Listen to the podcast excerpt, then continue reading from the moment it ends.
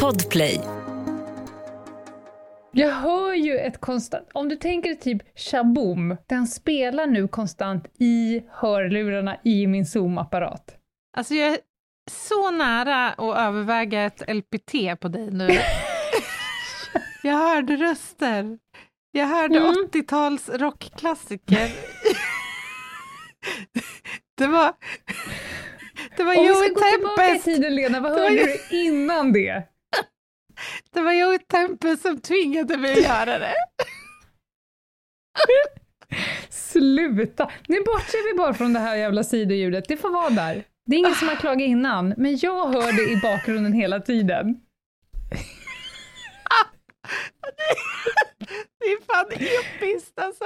Det, ju, det måste ju finnas också någon djupare mening med det här. Att, att det är just den musiken du får också. Alltså det finns så mycket jag gillar med det här känner jag.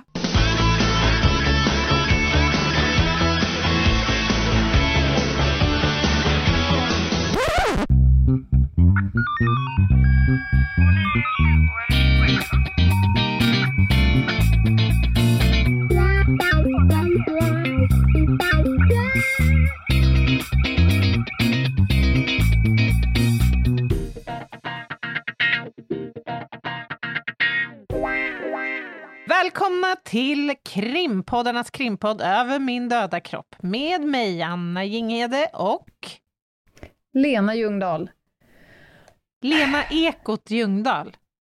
Ja. Eh, Jag jag, jag, vi måste fråga Daniel sen efteråt. Det måste vara så att min Zoom ligger på samma frekvens som grannens radio. Mm. För hur Mm. man än vänder och vrider på det så hör jag parallellt med att jag pratar någon sketen rockkanal som vevar på.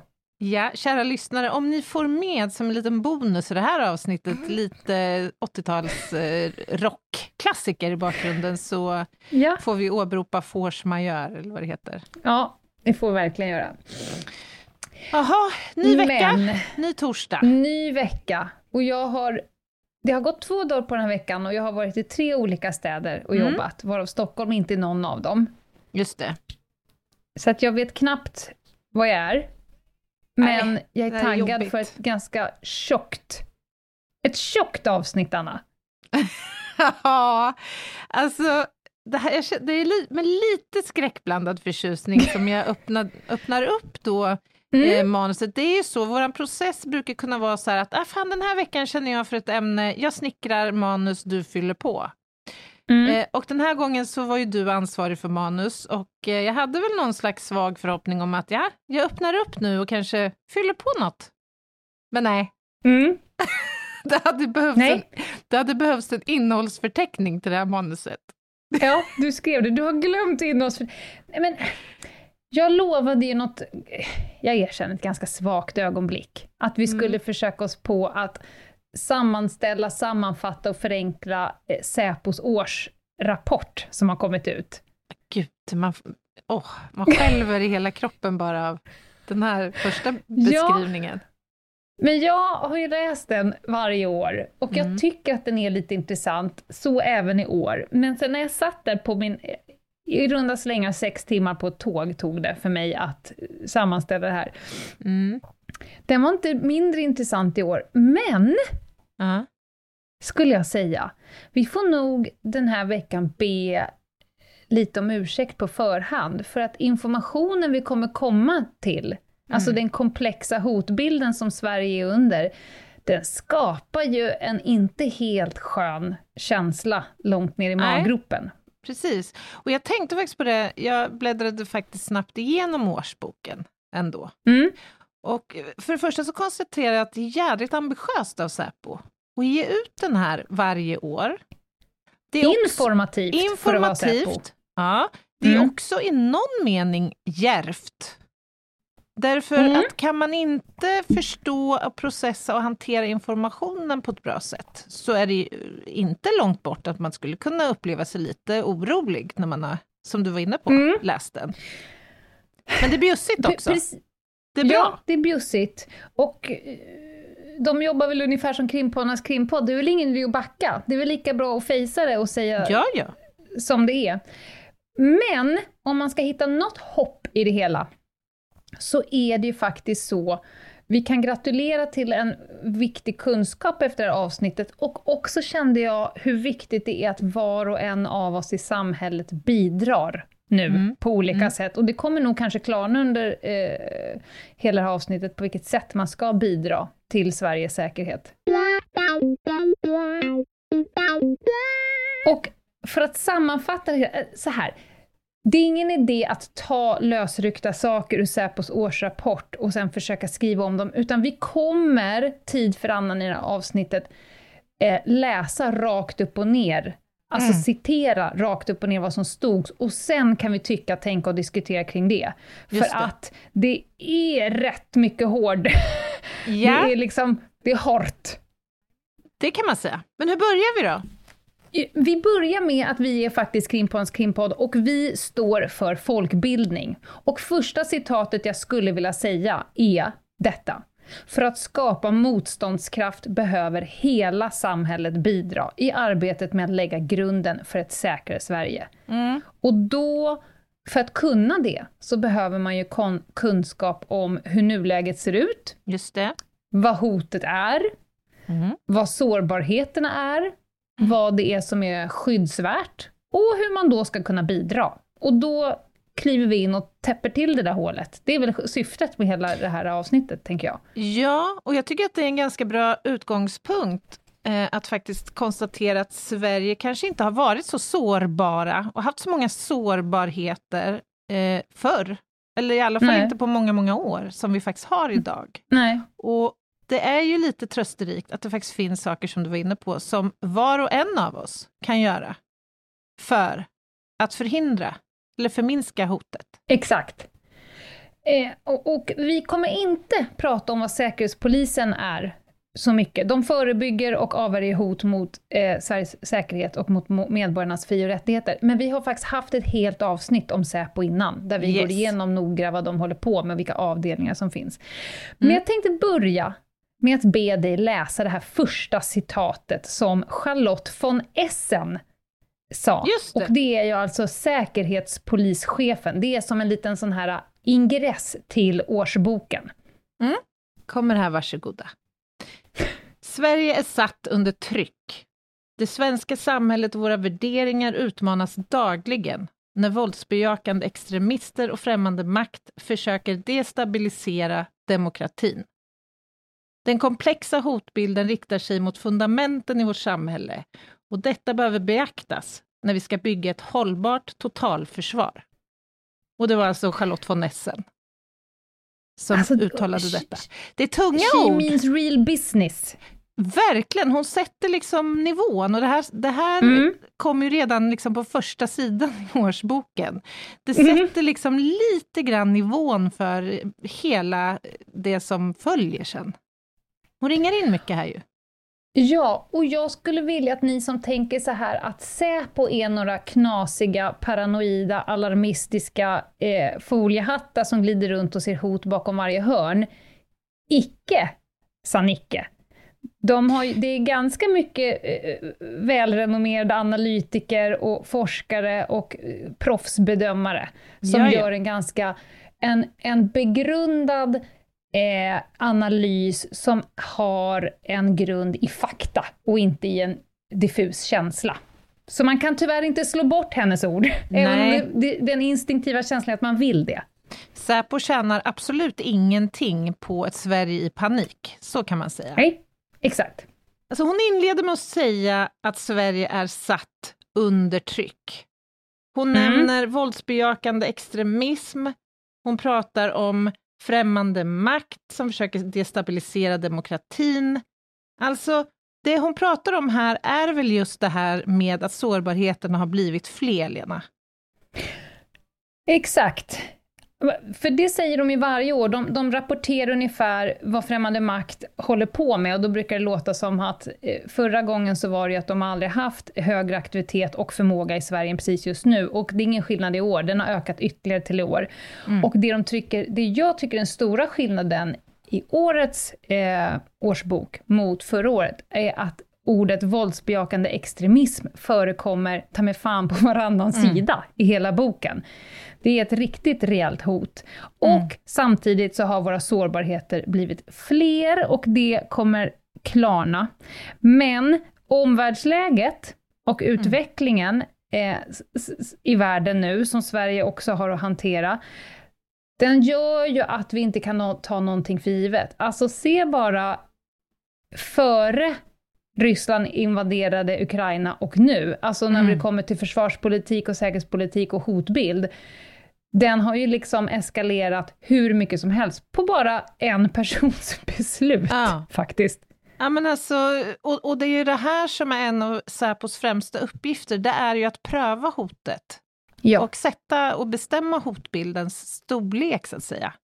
Mm. Jag vet inte om det här är något som finns med i deras liksom dagliga verksamhet, men det är ju i vart fall någonting som omprövas väldigt Absolut. regelbundet. Just för att Absolut. det kan svänga så snabbt i världen. Ja, och kriget i Ukraina är ju ett riktigt otäckt exempel på hur snabbt det kan gå. Och mm. hela, inte bara den svenska, utan hela den europeiska säkerhetsordningen kommer ju oundvikligen att påverka vår säkerhet. Hur man än vänder mm. och vrider på det så kommer beslut som tas i kommuner, landsting, företag och uppe på regering och riksdagskanslierna kommer att påverkas av eh, detta. Definitivt. Eh, och hotbilden ökar, det är de överens om, och det är mest på grund av främmande makts framfart, men också den våldsbejakande extremismen. Och så var ju du inne på att sårbarheten ökar.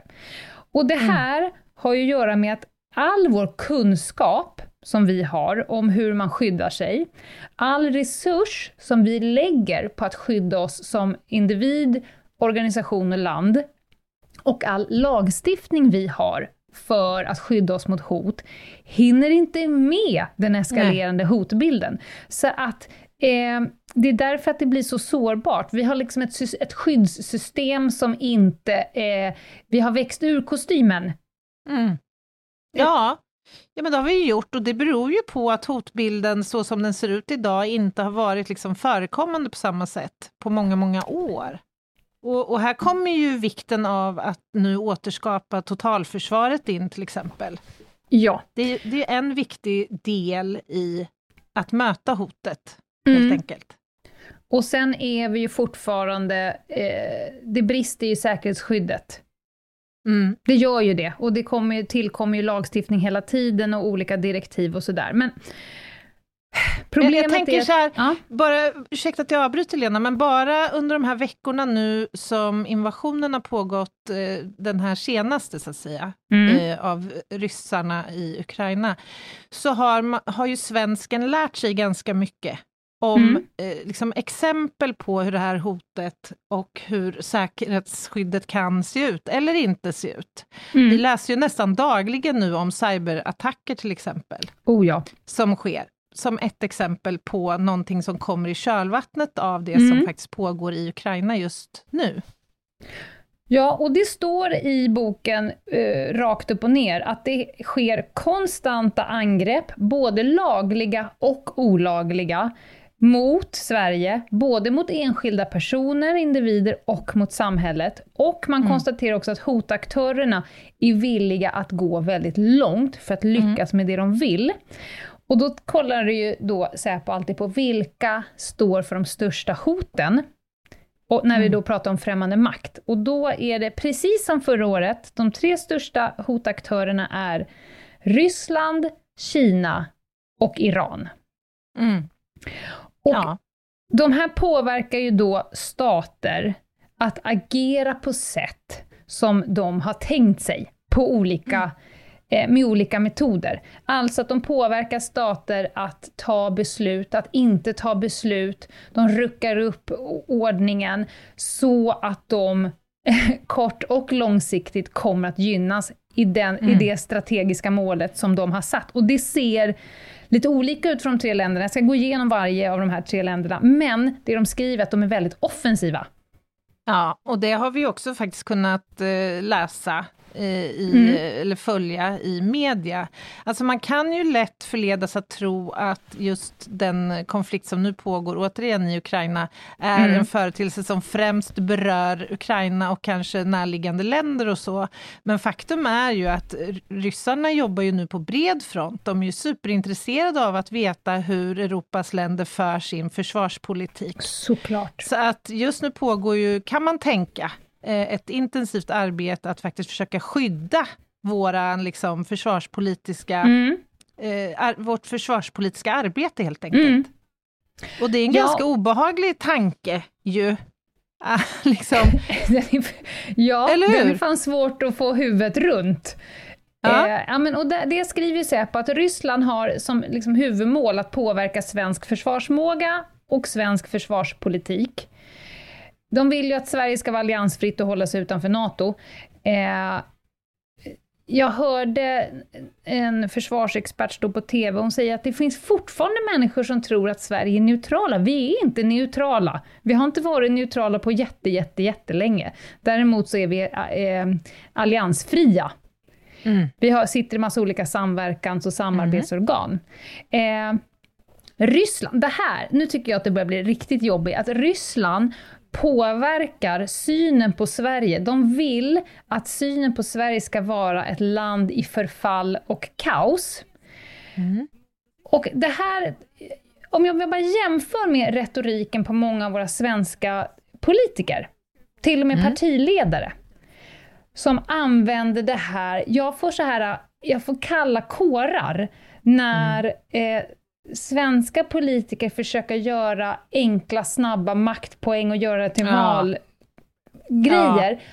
Och spär på någonting som inte stämmer, man liksom profiterar på folks rädsla, man skapar mm. polarisering mm. Mm. för att säga liksom, Sverige har aldrig varit värre. Nu Nej. måste vi vända det här sjunkande skeppet. Alltså det är som att Putin själv har skrivit partitalet. Ja.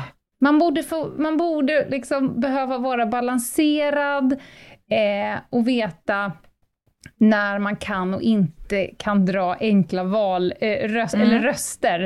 Eh, vi ska inte gå deras vägar. Får, får jag nämna, bara göra ett litet instick där, en sak mm. som eh, svepte förbi igår mm. i sociala medier. Mm. Då var det, jag behöver ju inte nämna någon person, men jag kan säga att det är en person som har varit med i Melodifestivalen. Jag tror även han vann den stora Melodifestivalen tillsammans med två bröder och de framförde ett nummer i Gyllene skor. Ja, 1984. Mm. han hade...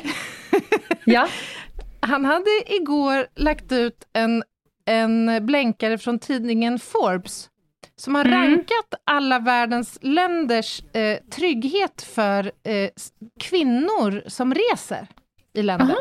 Mm. Och där kom då Sverige på en hedrande andra plats över, på listan över världens farligaste länder att resa i som kvinna. Är Sverige? det var Sverige ja. på andra plats. Och då börjar det ju hagla då frågor, men det här det kan du väl på fullaste allvar inte mena eller tro? Att, ja.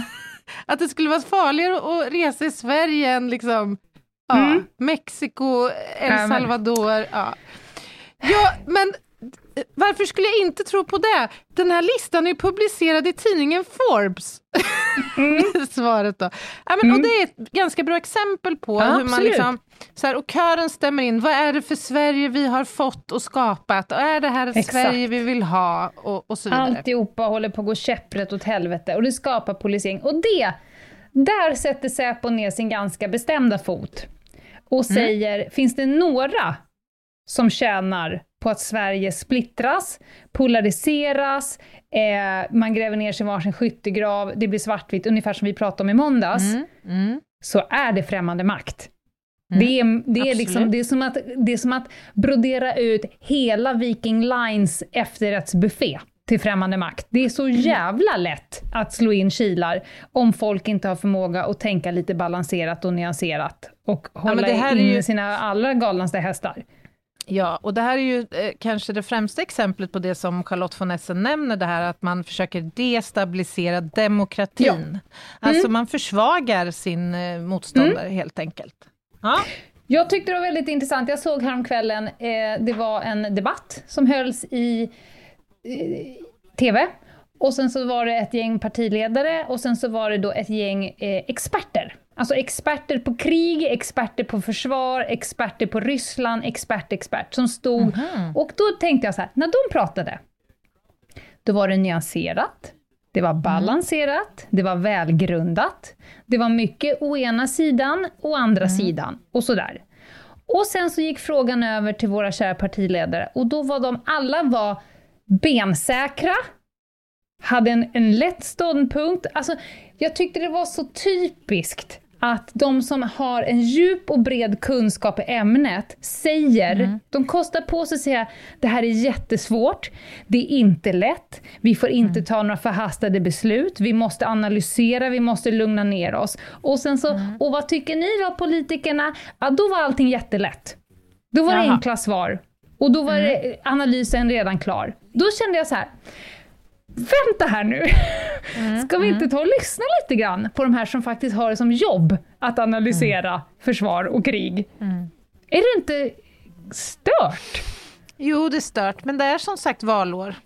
Oh, det är förbannad. inte helt oviktig eh, faktiskt Nej. faktor i sammanhanget. Ja, men jag, jag, tycker att det är osmakligt och jag... Ja. När man också läser det här som då Säpo skriver så, så är det liksom vem fan jobbar ni för? Så känner jag. Mm. Mm. Jag fortsätter. Eh, Ryssland tjänar som, sina, som sagt på eh, känslan av att Sverige är ett land i förfall och kaos. Mm. Eh, eh under 2021 så dömdes en man för spioneri. Ryska underrättelseofficerare rekryterar agenter i Sverige dagligen. Och siffran, mm. det här är en jobbig siffra. Var tredje ja. rysk diplomat som jobbar i Sverige är mm. en underrättelseofficer med täckmantel med uppdrag som är satt här för att rekrytera agenter. Mm. Mm. Var tredje! Ja. Ja, då kan ni ju förstå vad de gör ja, där inom murarna. Ja, men det, här, det, det där nådde ju eh, riksmedia häromdagen. Mm. Jag läste det där och vi har ju på förekommande anledning pratat i, om det här i, mm. ibland mm. till och från. Så jag kände ju till, inte, jag hade ingen siffra, ja. men det, det, var inte liksom ny fakta för mig. Nej. Och det tror jag inte det var för dig heller. Men jag tror det är det för väldigt många. Mm. Och återigen, det blir ett ganska bryskt uppvaknande. Alltså insikten mm. om vad vi faktiskt har för hot framför oss. Så om, om liksom ryska konkret. ambassaden har 20 stycken miljöhandläggare, mm. hur många miljöhandläggare kan det behövas på en rysk ambassad? Vad tror ni att de gör? Istället. Ja, som sagt. Ja. Lite, sido, och, lite bisysslor. Sido, och en annan bisyssla de har, de har också koll på ryssar som har flyttat hit och kan ha försvenskats och därmed möjliggör ett hot mot moderlandet. Det är också en mm. av deras uppgifter här. Jag går över till Kina. Kina, äh, Sverige, vi ligger långt ifrån varandra, men Sverige ligger inom deras intressesfär.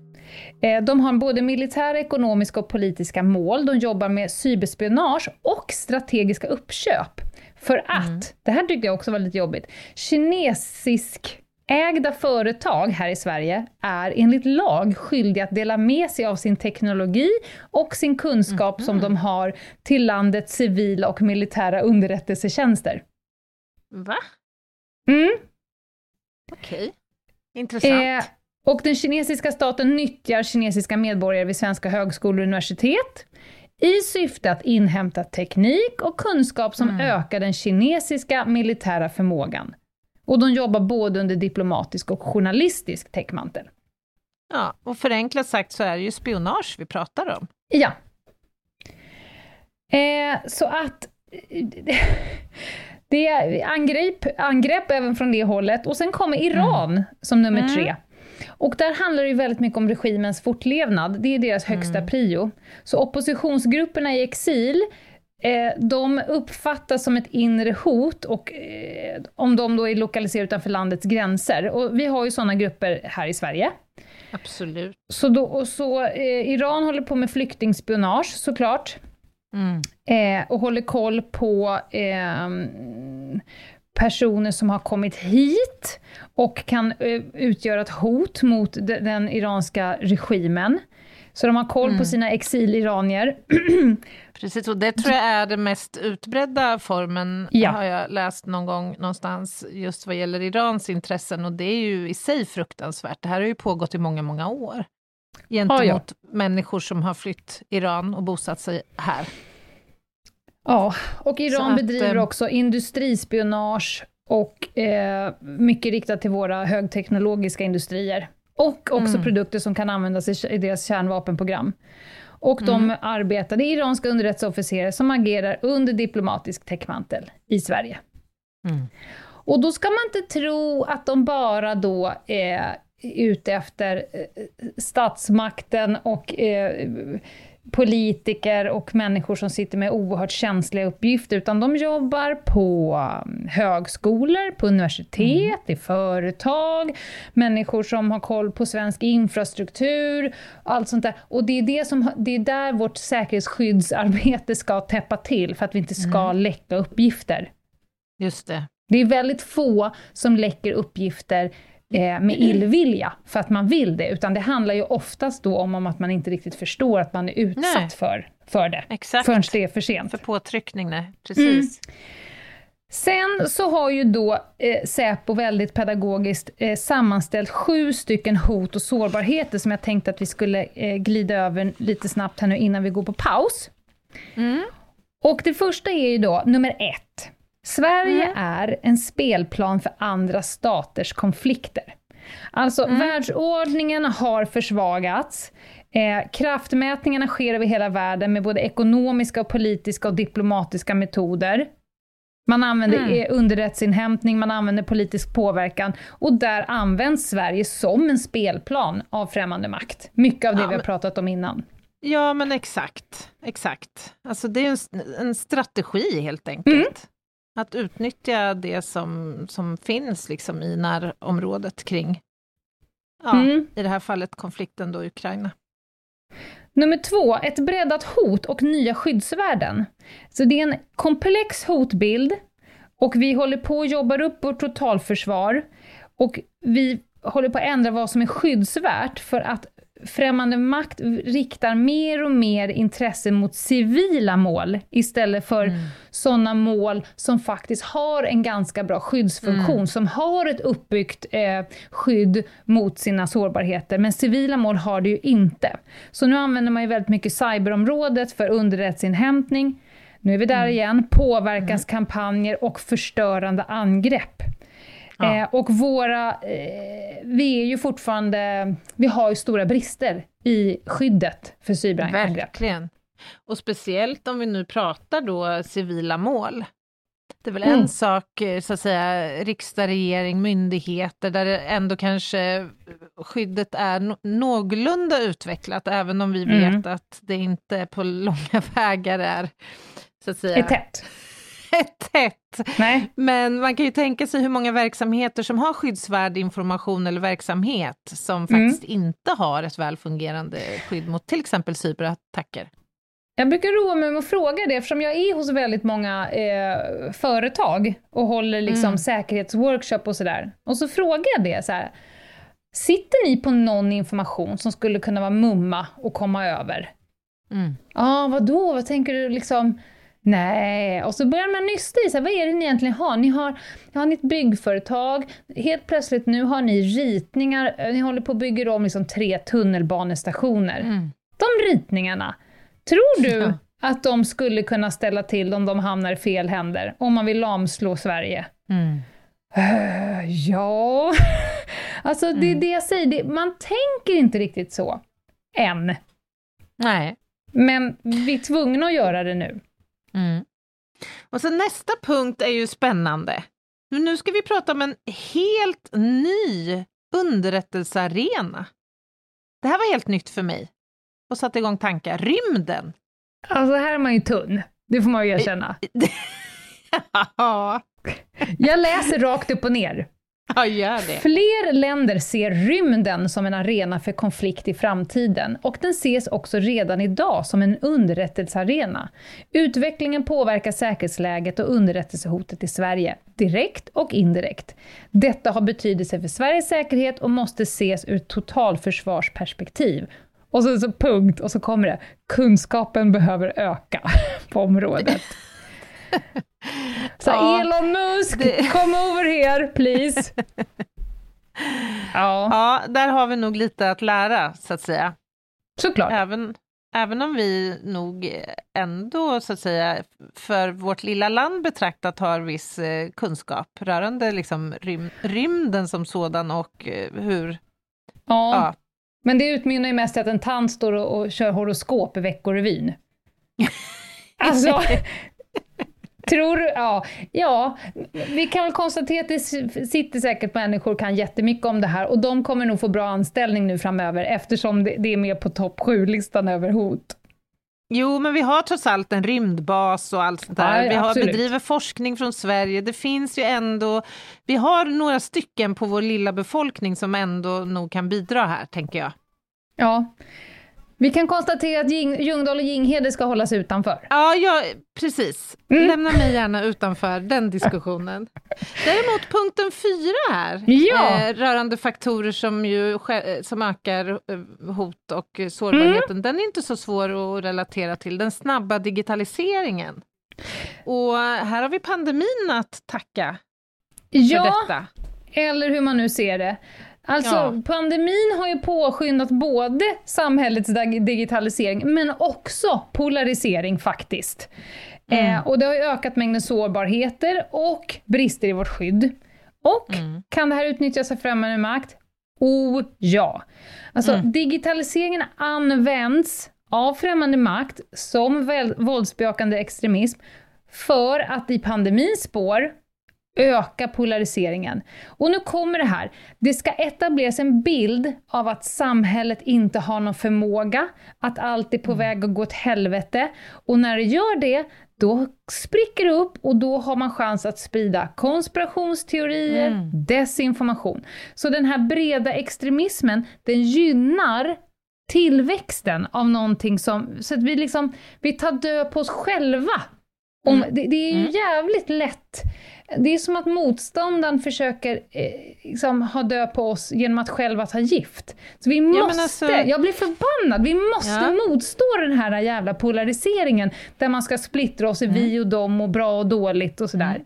Jag blir galen på den.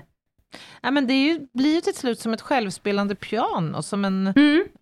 Självuppfyllande profetia nästan. Ja. Man lyckas liksom komma in i demokratins fundament liksom, Ja. och sätta den i, dem i gungning.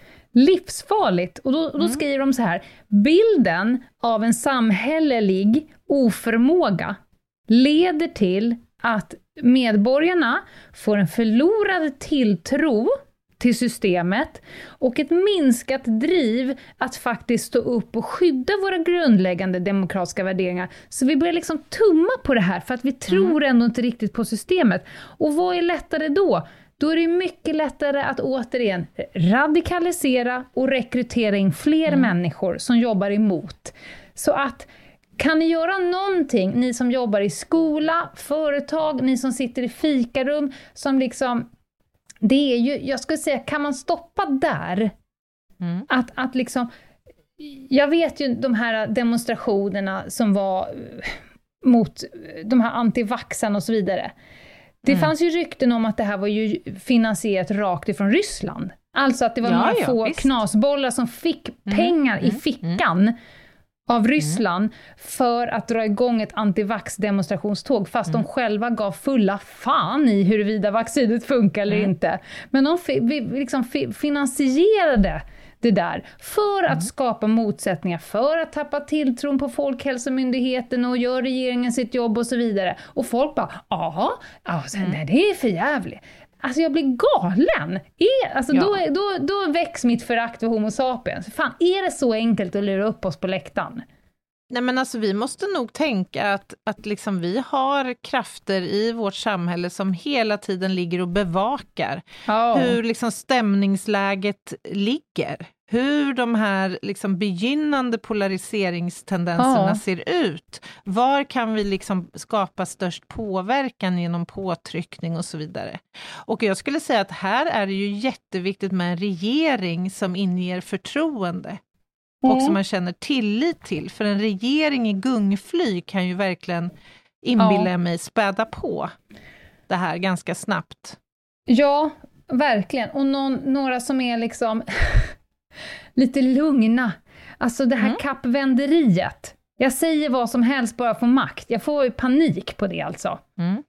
Och, och då, vi har haft sådana diskussioner här hemma. Jag kanske inte håller med dig om allt vad du säger, men jag vet vad jag har dig. Och du Mm, kommer inte f- flaxa runt så fort du blir lite kåt på makt. Alltså det, det Mm. ja. Nåväl, vad säger Ska vi ta en liten paus här nu? Vi har varit så upprörda. Vi tar en liten paus. Ja. Det är nog bra. Ett poddtips från Podplay. I fallen jag aldrig glömmer djupdyker Hasse Aro i arbetet bakom några av Sveriges mest uppseendeväckande brottsutredningar. Går vi in med hemlig telefonavlyssning och, och då upplever vi att vi får en total förändring av hans beteende. Vad är det som händer nu? Vem är det som läcker? Och så säger han att jag är kriminell, jag har varit kriminell i hela mitt liv men att mörda ett barn, där går min gräns. Nya säsongen av Fallen jag aldrig glömmer på Podplay. Välkomna tillbaka. Ni lyssnar på Krimpoddarnas krimpodd avsnitt 224 och idag pratar vi om Säpos årsbok för 2021. Och vi pratar just nu om eh, de här om faktorer som eh, påverkar hotet och Mm. vår sårbarhet. Och då är vi framme vid punkt nummer fem, och där står det den breda extremismen växer. Och då kommer ju den här våldsbejakande extremismen igen, och den utgör både ett attentatshot och ett författningshot. Och den växer i bred bemärkelse, alltså det nya aktörer syns ständigt i informationsflödet.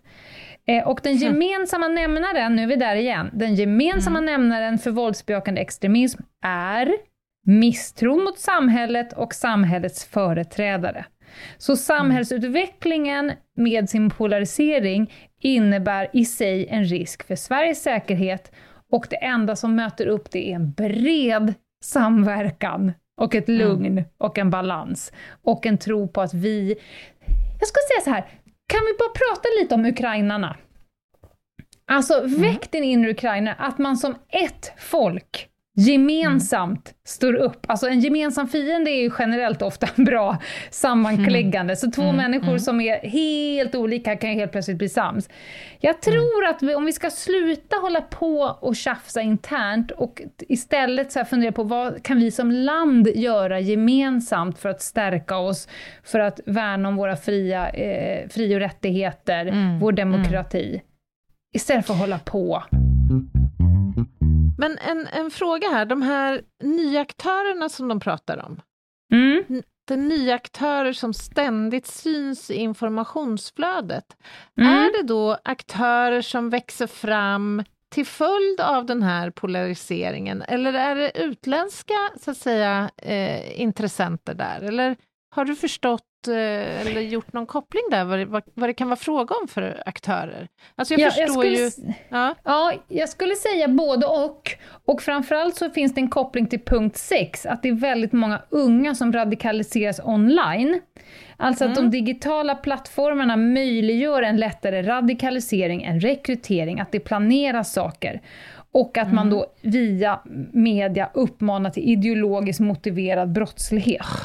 Det här är Eh. superläskigt alltså. Visst är det det. Alltså, om vi bara så här, kan vi bara nämna ordet skolattack? Apropå våldsbejakande unga personer som har radikaliserats online. Det är ju mitt i fucking prick här.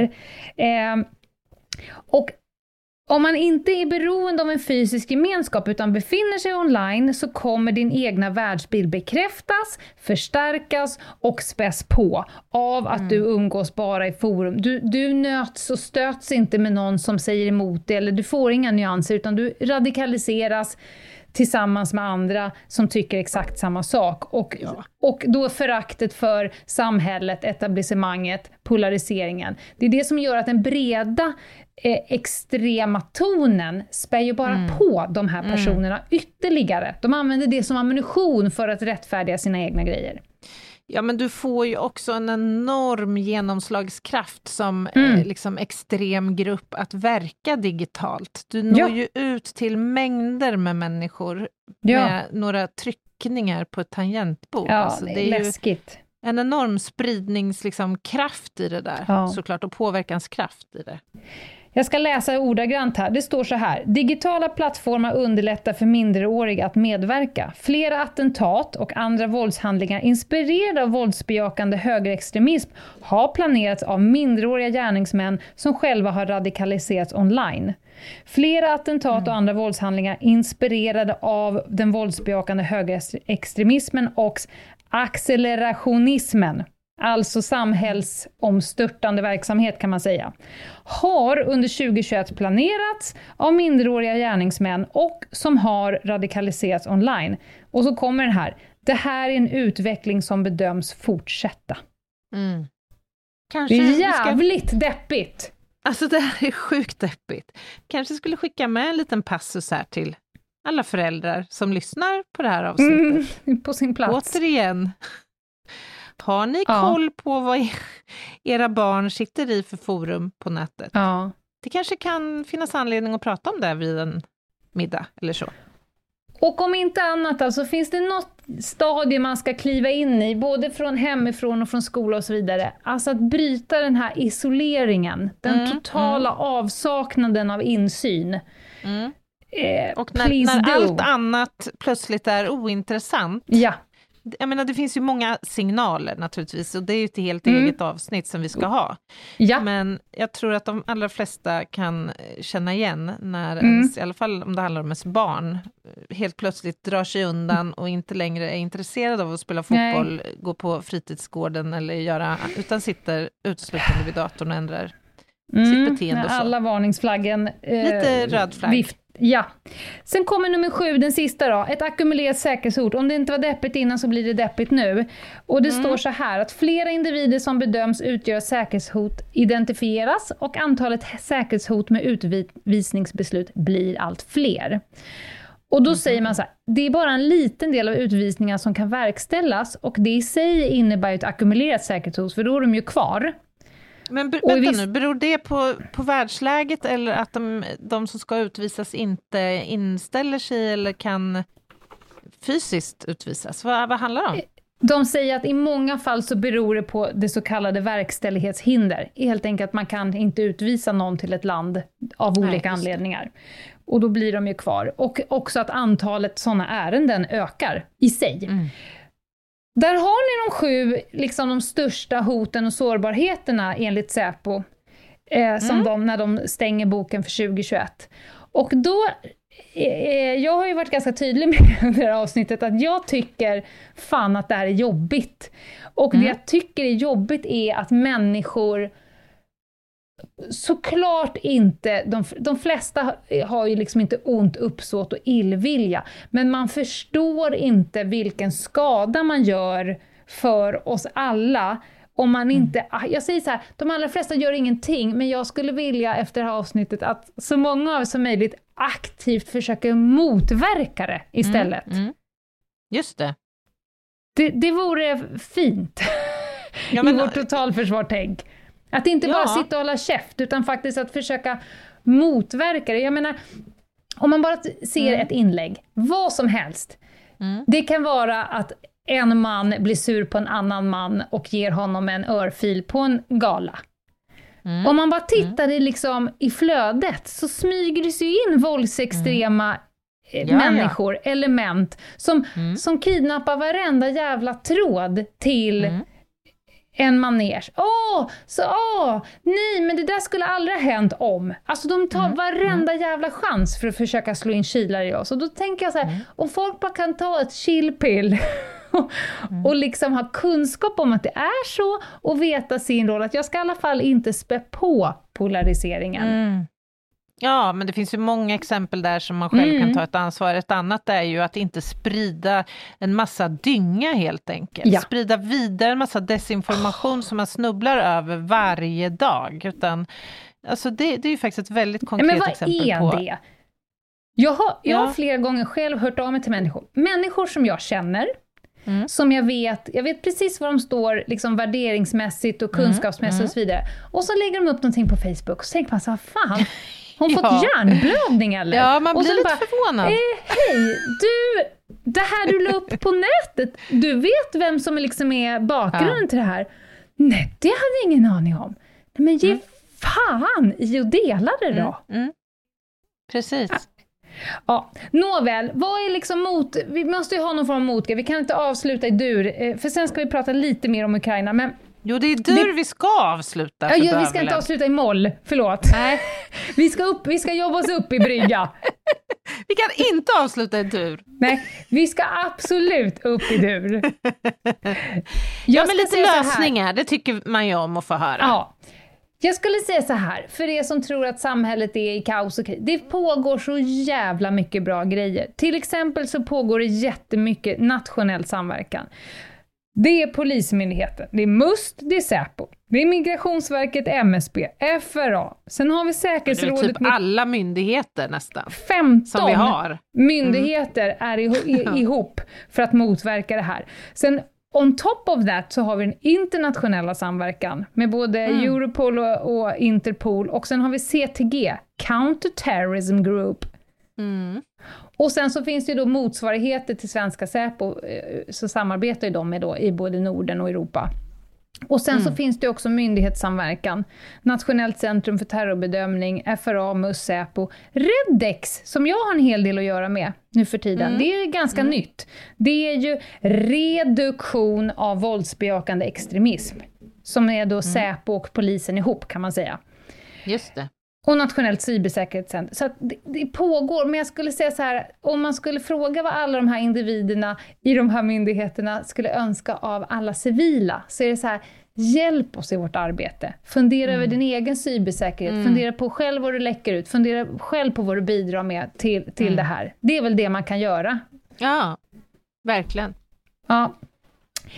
Ja, Där bra sammanfattat. Där stänger vi eh, Säpos årsbok och in, jag vet att du har en lista idag. Ja, jag har ju det. Ja, men innan det så skulle jag vilja säga en annan sak som, som Säpo gör just nu. För jag, tror, jag vet att de jobbar fan småbrallen av sig just nu. Verkligen. Eh, och framförallt deras kontraterrorismgrupp jobbar stenhårt just nu. Och då eh, har jag plockat upp några saker här i nyhetsflödet som jag bara vill dela ifall det har gått förbi någon. Säpo varnar för att våldsbejakande extremismer från Sverige vill strida för Ukraina. Man vet inte hur många. Just Inte det. de 600 personer som bara vill bidra. De, de har man koll på. De, de gör man ordentliga bakgrundskontroller och åk iväg du och hjälp till och så har vi koll. Mm, Utan nu pratar vi om de våldsbejakande extremisterna som vill strida för Ukraina. Och eh, Fredrik Hallström som är chef för Säpos kontraterrorgrupper eh, säger att det finns både personer inom högerextrema och de islamistiska som vill delta. Så de, de, helt plötsligt, apropå det här med gemensam fiende, helt plötsligt så kan de strida för samma sak. Det är lite intressant. Ja, visst är det det. Då säger han så här, det är grupper med diametralt olika ideologiska bevekelsegrunder och sannoli- sannolikt finns många olika till motiv till varför man vill resa till konflikten. Och då kan det vara både vill hjälpa till, men som Säpo drar öronen åt sig, det kan också vara för att man vill höja sin förmåga, alltså lära sig saker. Och sen har vi också då såklart de som söker spänning. Ja, men låt oss inte glömma att många söker sig också till ryska sidan. Herregud. Jag läste i morse, tusen legosoldater från Syrien, Afrika och en massa Ja, länder ja, ja. ansluter sig nu till ryssarna. Så att alltså, Ja, Ja. däremot så vet vi inte, från Sverige är det oklart hur många Nej. som har, de har de inte koll på. Eh, jag vill också säga så här, det är, det är inte kriminellt att resa till Ukraina och delta i kriget, även om du är en våldsbejakande extremism. Eh, om vi jämför nu med att ansluta till IS, alltså från 2016 så är det ju liksom förhöjt eh, kriminaliserat att, att göra sådana här terrorresor mm. där man ska mm. förbereda mm. eller genomföra terrorattacker. Men det är inte olagligt att åka till eh, Ukraina för att strida. Säpos jobb här nu då, det är att bedöma hotbilden om de nu skulle ta återvända till Sverige. Alltså kommer du nu tillbaka med en höjd våldskapacitet? Mm, mm. Har du med dig någon traumatisering? Har du lärt dig använda vapen och sprängmedel? Kan någonting av det här mm. utgöra en, ett hot eh, mot Sverige på sikt? Det är ju det som Säpo ligger och kollar på nu då, när de mm. kommer tillbaka. Eh, han säger att det skulle kunna innebära en förändrad tröskel i våldsanvändningen, till exempel att man har blivit radikaliserad eller svårt traumatiserad. Och att man använder det inom ramen för sin egen verksamhet i Sverige sen, när man mm. kommer tillbaka. Så att det är liksom ytterligare en sak som nu Säpo har på sitt bord, som om de inte hade tillräckligt innan dessa tider. Det är liksom tider. Id, idel peppiga budskap. jag, jag sa ju i början att det skulle möjligtvis ge en klump i magen, men jag tycker också att det blir väldigt tydligt eh, vad vi alla kan göra. Hålla oss mm. liksom uppdaterade, söka riktig kunskap, motverka polarisering och faktiskt nosa upp de här som håller på att bli radikaliserade och se till att de slutar med det på bumsen alltså. Ja, och ett första bra steg för alla och en var, det är ju en medvetandehöjning om ja. det här som vi har pratat om idag. Eh, ja, vi hoppas att... ju verkligen att vi står för en del av den medvetenheten. Mm. Det var liksom syftet med avsnittet tänkte jag, inte bara dassa på en tråkig rapport. Nej, nej men jag tyckte det blev ett jättebra avsnitt Lena, ja, verkligen. Bra. Kanon. Som samhällsinfo nu innan du ska komma in med din jätte, jätteviktiga lista, jag är så sugen på att luta mig tillbaka och få fnissa lite, eh, så är det ju då vårt Instagram, Ljungdahl och Ginghede. Vi har vår mm. mail, hej att ljungdahloginghede.se. Vi har vår hemsida, ljungdahloginghede.se. Vi har så mycket! Vi har så jävla mycket ongoing. ja. På fredag har ju vi, alltså imorgon när ni lyssnar på det här, så har ju vi ett jävligt tufft möte med All Things Live, där vi ska beskriva liksom sekundplaneringen av mm. vår livepoddsturné. Mm. Det ska bli viss, kul. Jag känner, mig, känner viss oro inför det mötet. Men, ja, det är men annan... du känner viss oro för allting, Anna. Ja, så det jag, kan man säga. Just nu det, gör jag det. det. Jag hade blivit orolig om du inte kände viss oro, så kan vi säga. Men on top of that skulle jag faktiskt vilja ge ett tips. Ett Säpo-tips. Det, kom, det finns en skrift som heter Personlig säkerhet, som egentligen är riktad mot människor i liksom, i toppen av samhället och framförallt kanske politikerna, alltså hur man jobbar med personlig säkerhet. Jag mm. har i många år använt mig den skriften, både till människor som jag själv har vaktat och gjort hotbildsbedömningar på. Eh, och den, den kan man plocka rätt mycket kärnfullt eh, ur för en var. Och den är faktiskt mm. re reviderad nu i november 21. Den heter mm. Personlig säkerhet och går för alla att eh, ladda ner på Säpos hemsida. Den är inte så dum faktiskt. Bra tips! Tackar, tackar. Men nu Anna, jag kommer inte yes. säga ett ljud till höll jag på att säga, på 30 sekunder säkert. Testa! Kör! Annas jätte, jätteviktiga lista. Tack för detta, Lena Ljungdahl. Ja, men vi dammar väl av en jätte, jätteviktig lista. Och eh, den här veckan alltså har vi ju, vi har ju pratat nu i avsnittet om det här med skyddsvärd information, att vi ska undvika sprida. Jag kom inte med något deppigt nu. Nej, men det, det kanske är lite åt det deppiga hållet här. Jag vet inte. Kort sagt, det är väl ganska givet att det finns information i länder som är mer liksom skyddsvärd en annan information. Mm. Och som om den informationen nådde offentligheten då skulle kunna innebära ett hot eller en smärre katastrof kanske till och med. Eh, men däremot så finns det ju en tid för allt. Och vissa sådana här hemligheter kommer ju förr eller senare att nå dagens ljus. Så därför så tänkte jag idag att vi skulle lyfta på locket till, till några sådana här lite då eh, understundom ljusskygga och eh, kanske smått bizarra hemligheter som har passerat genom årtionden. Du förstår var vi är på väg, hoppas jag. Absolut. Och därför vill jag börja med plats nummer fem och prata lite grann om utredningen av John Lennon. Oj, den kunde jag inte se komma. Nej, alltså John Lennon var ju inte precis blyg kring sin liksom politiska ståndpunkt och sin antikrigshållning kan vi väl kalla det. Han protesterade kort och gott mot krig. Han skrev eh, musik. Alltså han var ju generellt inte blyg. Nej, det var han säkert jag inte. Jag ser ju framför mig bilden när han ligger i bara mässingen ihop ja, ja. knorvlad runt Jocko. Ja, han var bekväm i födelsedagskostymen så att säga. I, ja, exakt. Mm. Ja. Men det kanske var ett sätt att liksom trycka ytterligare på det här att det är så ja. långt ifrån liksom en krigshandling man kan komma. Mm. Jaha, var det det som skivomslaget var? I, I'm unarmed? Var det det han liksom ville signalera med sin håriga röv? Här finns ingenting mer än en nej, hårig nej. röv. Ingen Fan, som kan bra. skada. jag fattar. Äntligen ja. har jag förstått den bilden. Men det var faktiskt så att FBI hade honom under både övervakning och utredning. Mm -hmm. Man var nämligen väldigt orolig för att Lennon skulle hitta på någonting som skulle kunna lägga hinder i vägen för presidentvalet 1972. Eh, då Nixon tänkte sig att bli omvald. Mm. Man försökte till och med få honom deporterad till från landet. Ja, det vet jag faktiskt inte vilket land man tänkte sig, men han skulle inte få vara kvar i USA i alla fall. Mm. Eh, och, eh, ja, och Nixon var särskilt orolig för att han, för att han hade ju stort inflytande då bland den uh, unga liksom fansskaran. Mm. Det vill säga många som nu skulle få rösta för första gången. För att just vid valet 1972 så hade man sänkt eh, åldern för att få rösta från mm. 21 till 18. Men Lennon lyckades inte egentligen i det stora hela att påverka det här valet och Nixon blev ju omvald då.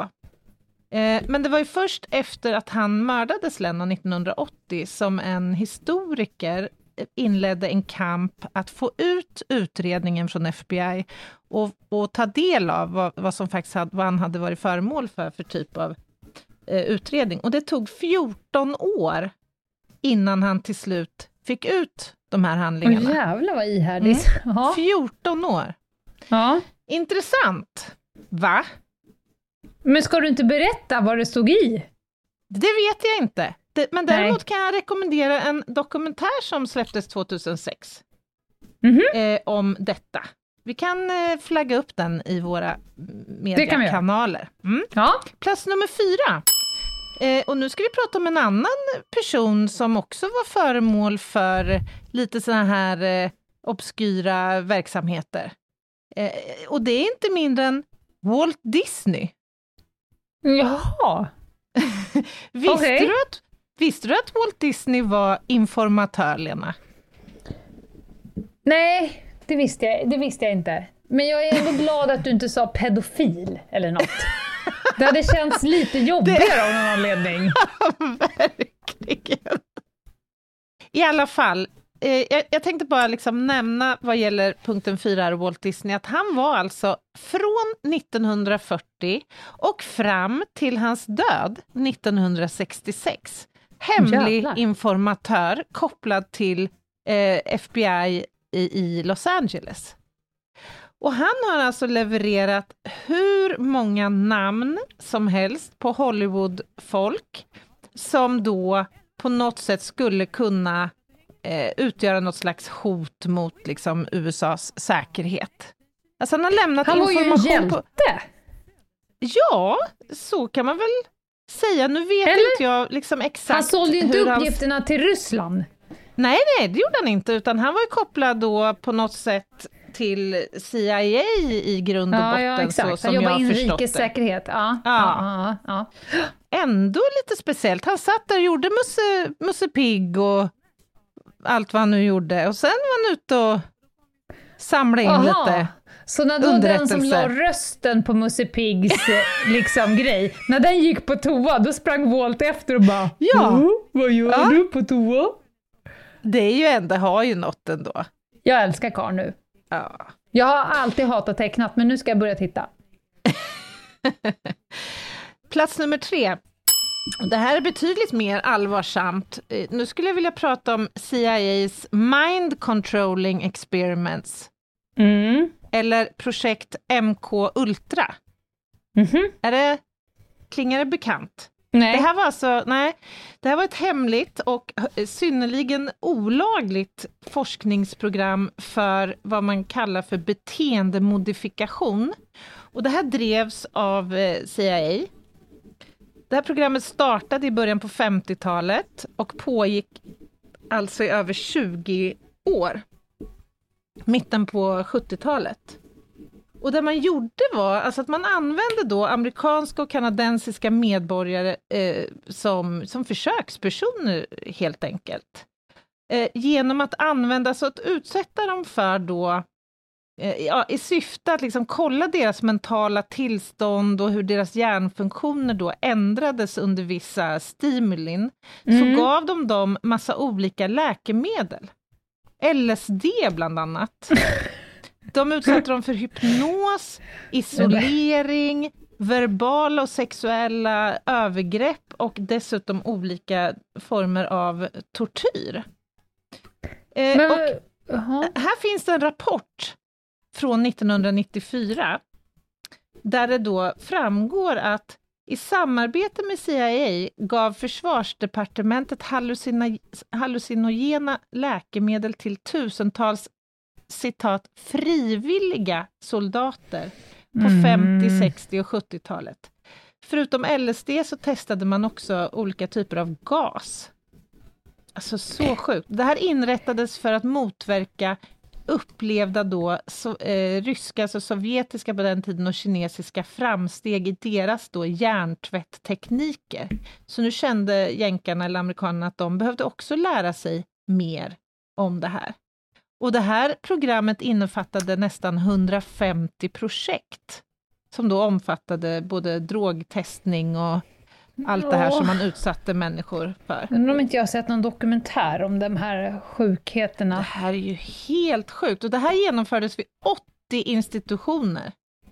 Bland annat 44 universitet, sjukhus, fängelser och läkemedelsföretag. Det hade känts så mycket bättre om man kunde säga att det var så här 400 år sedan. Eller hur? Det, det är ett ganska brutalt sätt att eh, lära sig och förstå om hur hjärntvätt och programmering funkar. Ja. Det kan man ju ändå säga. Genom att dra en LSD-tripp. Ja, exakt. Förstå också hur många sjuka människor som hade anmält sig helt frivilligt för att få knarka gratis bara. Ja, ja, jag, Ja. jag vågar inte ens tänka den tanken, men det kanske Nej. slank igenom en och annan. Ja, kanske. Okej, jag går vidare till plats nummer två och nu ska vi prata lite grann om CIAs eh, ganska innovativa ändå försök att göra och tillverka olika typer av djurspioner. Det här, vi har varit inne och snuddat lite vid detta tema Fan, tidigare. det här älskar jag ju. Det här Ja. älskar jag. Och, och då kan jag säga så här att eh, i början på 2000-talet så upprättades ett eh, museum i Washington, tror jag det ligger, ett CIA-museum, där lite av detta då Dit måste vi åka, Anna. avslöjades. Ja, det vore ju ashäftigt. Eh, och det man kan se bland annat på det här museet, det är en avlyssningsprototyp eh, eh, som ser ut som tigerbajs, bland annat. Vänta, vänta. Och det här användes i Vietnam. Men För- vänta, vänta, Ja, ja. vänta! En prototyp, man har alltså skapat en, en fejkad tigerbajs. Bajshöga. Ja. Ja. Och sen ska man då skjuta in den i ett rum. ja. Så, nej, nej, nej, nej, nej. Never mind the tigerbajs. I ett rum också! Nej, nej, nej, nej, nej. Det här var ju för att kunna följa hur trupper rörde sig. Ja! Man placerar okej. naturligtvis ut massor med högar i Vietnam Ja. för att inhämta information om eh, truppers eh, rörelser. Ja, men... Man, man eh, kan också se på museet en, någon form av robotfisk som konstruerades eh, i syfte att kunna inhämta vattenprover nära kärnvapen, eh, ja, ämnen på Mm. havsbotten och sådär. Alltså, utan att säga för mycket.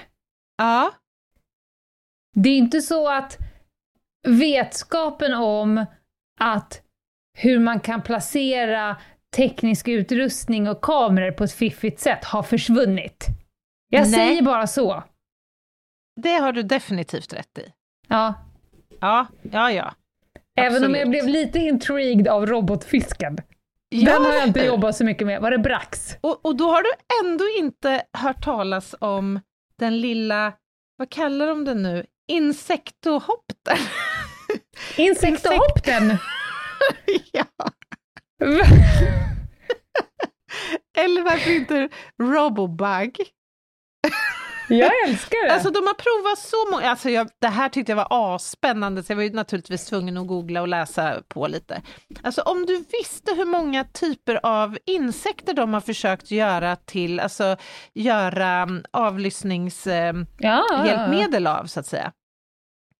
Och bland annat Det är då, svårt så, att, dressera en insekt, tänker jag. Ja, det är, ja men det är det ju. Alltså, här måste man ju gå liksom, den mekaniska vägen och helt Mm. enkelt tillverka någonting som ser ut då Ja, istället ja. som en liten insektsrobot, eh, robot, eller vad man nu ska kalla det. Och det här är ju, alltså det släpptes en rapport 2013 om just den här Trollslände då varianten. Eh, eller så här, det, om jag förstått det rätt så har det släppt, man har inte velat släppa hela rapporten vid ett tillfälle. Det är fortfarande uppenbarligen så känsligt detta för Det är så omvärlden. jävla att- älskvärd rapport om Ja, det. Trollsländo-infiltratören. ja, exakt. Ja men alltså det är så jädra häftigt. Alltså det var en sån avancerad teknik i de här små som vägde ett gram. Mm-mm. I den Ja, ska oh du då få i teknik så att den kan färdas en längre sträcka, plocka upp ljudvågor som Mm. sen ska kunna omvandlas till ljud. Men alltså, jag bara, vill bara skicka med, ni som, ni som lyssnar nu, som går till era deppiga jobb på dagen, kan inte bara sno huvudet ett varv runt tanken på att det sitter människor och funderar på hur man ska liksom kunna peta in en trollslända mitt i maffian när de sitter och Ja. pratar om någonting så de kan plocka upp. Vi kan bara liksom, kan vi inte bara Ja, ja. njuta av den vetskapen om att det finns människor som har lite yrke? Det här programmet bara att konstruera den här lilla jäveln, Trollsländan, i, omsatt i dagens eh, peng, pengavärde Ja. så, så pratar man om två miljoner dollar. bara för den här trollsländan. Alltså fatt, bara att få en trollslända att röra sig som en trollslända. Det, är- det är coolt. Men jag ska också säga att de här är också föregångarna till de så kallade mikrodrönarna som sen Ja, har blivit otroligt värdefulla liksom, i krigsföring Mm. och eh, underrättelseinhämtning. Pytte-UAS-erna. Exakt. Ja. Okej, plats nummer ett. Och nu tror jag ändå det kanske blir lite mer lättsamt. Lite mer lättsam information. Aha. Mm. För att nu ska vi gå från en eh, hårig sak, höll jag på att säga, eh, en, nå, något slags djur i alla fall, till ett annat. Nämligen Bigfoot. Vad, har, Mm. du, vad har du på Bigfoot? Eh, inte så mycket. Nej. Då kan jag berätta för dig att sedan 1976 så har FBI haft en utredning rörande Bigfoots förehavanden. Eller hans förehavanden vet jag inte. Utan Hans bevekelsegrunder. ja. Alltså för 1976 så hände det sig så att Peter Byrne, som var eh, någon slags chef på The Bigfoot Information Center i Oregon, skickade till FBI 15 hårstrån Ja. som satt eh, vidhäftat till en, en liten, liten skinnsnutt bara. Flärp. Ja, Vidhäftat. Ja, det var De satt var. fast på den. De satt fast på. Ja, ja. Burns skrev då att han hade inte lyckats identifiera vilken typ av hår det här, eller vilken typ av djur som det här håret kom ifrån och, och hoppades då att FBI kanske kunde hjälpa honom eh, vid här, med den här analysen. Och han flaggade ju då för naturligtvis att han hade starka skäl att tro att det här faktiskt var hår från Bigfoot. Mm. Ja, eh, och jag vet inte hur mycket du känner till om Bigfoot, men alltså det började ju då cirkulera eh, vittnesmål kring hans eh, existens redan på 50-talet. Mm. Alltså det här är ju helt sjukt. Det började ju med 1958 att man såg vad man trodde var då gigantiska fotavtryck. det var inte Shaquille O'Neal då, som hade varit där? Nej, men 2002 så, så avslöjades att det här eh, som spreds då över hela världen 1952, de här fotona då på Ja. vad man trodde var, det var ju fake. ja. Och sen 1967, då kommer nästa stora happening i den här utredningen då, eller ja, det här var innan FBI hade startat upp sin, men liksom den här insamlingen av bevis mot, eller för att han fanns då, då var det ju en videodokumentation eh, av två snubbar då, som påstod att det här var Bigfoot man hade sett. Och de här bilderna kan man se, de ligger där ute på nätet för alla och en var att se. Och för mig Ja. så står det alldeles klart att det där är någon form av eh, kostymerad person som lurkar omkring och ingenting Björnes annat. magasin som är ute Ja, ungefär så. Det är lite som Loch Ness-odjuret, tänker jag. Så skulle man kunna säga, Ja. absolut. Mm. I alla fall, han fick ju då eh, ett svar här, Byrne, att eh, FBI kunde tyvärr inte hjälpa, hjälpa honom för att FBI jobbar ju primärt med att utreda brott. Mm. Och det fanns inget misstänkt rörande håret per se, så att säga. Det var inte kopplat till vad de kunde bedöma ett brott och de kunde inte därför då undersöka eh, det här, de här bevisen. Nej. Men 1977, ett par år eh, Ett, Senare. en fin årgång. Alltså, Ja, det året mycket. hände ju ganska mycket bra saker. Ja. Men hur det än var, eh, så tyckte väl den här FBI-personen då att äh, låt oss hjälpa Byrne med det här.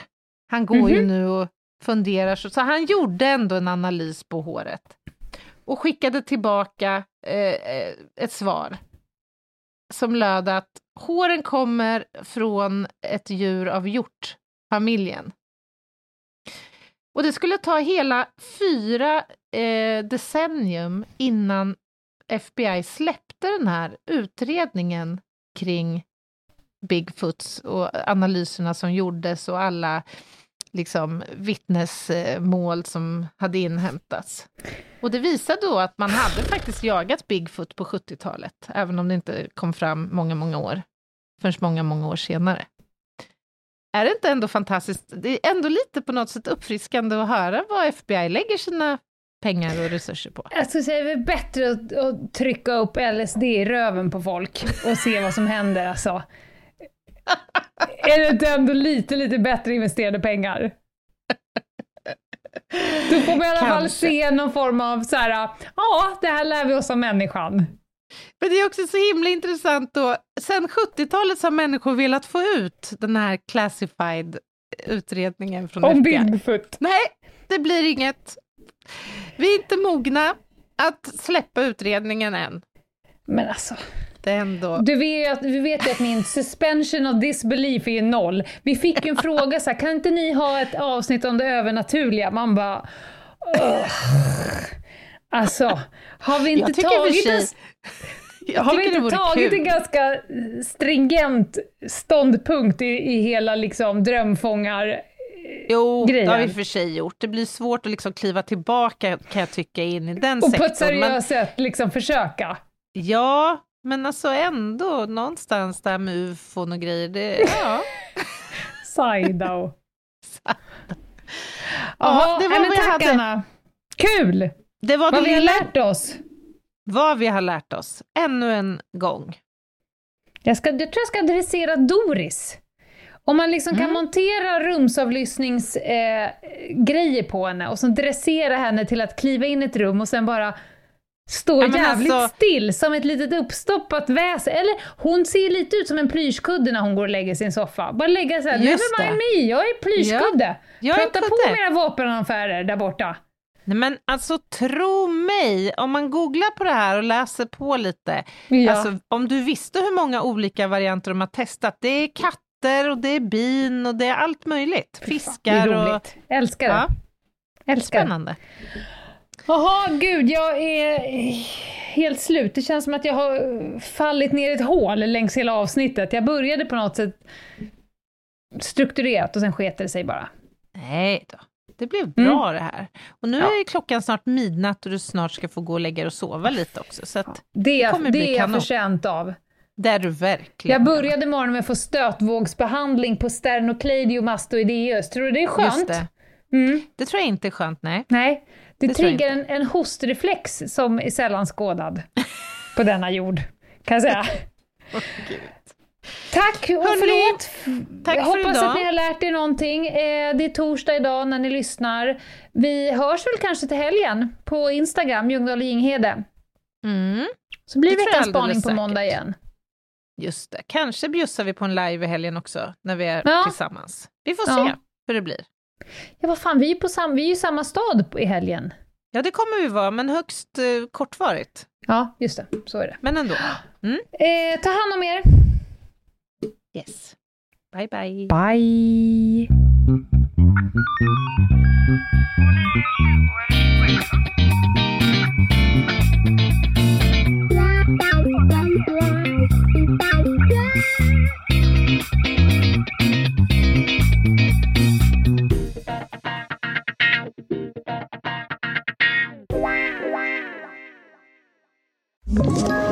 Ett poddtips från Podplay. I fallen jag aldrig glömmer djupdyker Hasse Aro i arbetet bakom några av Sveriges mest uppseendeväckande brottsutredningar.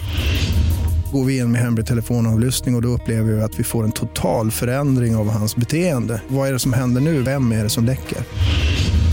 Och så säger han att jag är kriminell, jag har varit kriminell i hela mitt liv men att mörda ett barn, där går min gräns. Nya säsongen av Fallen jag aldrig glömmer på Podplay.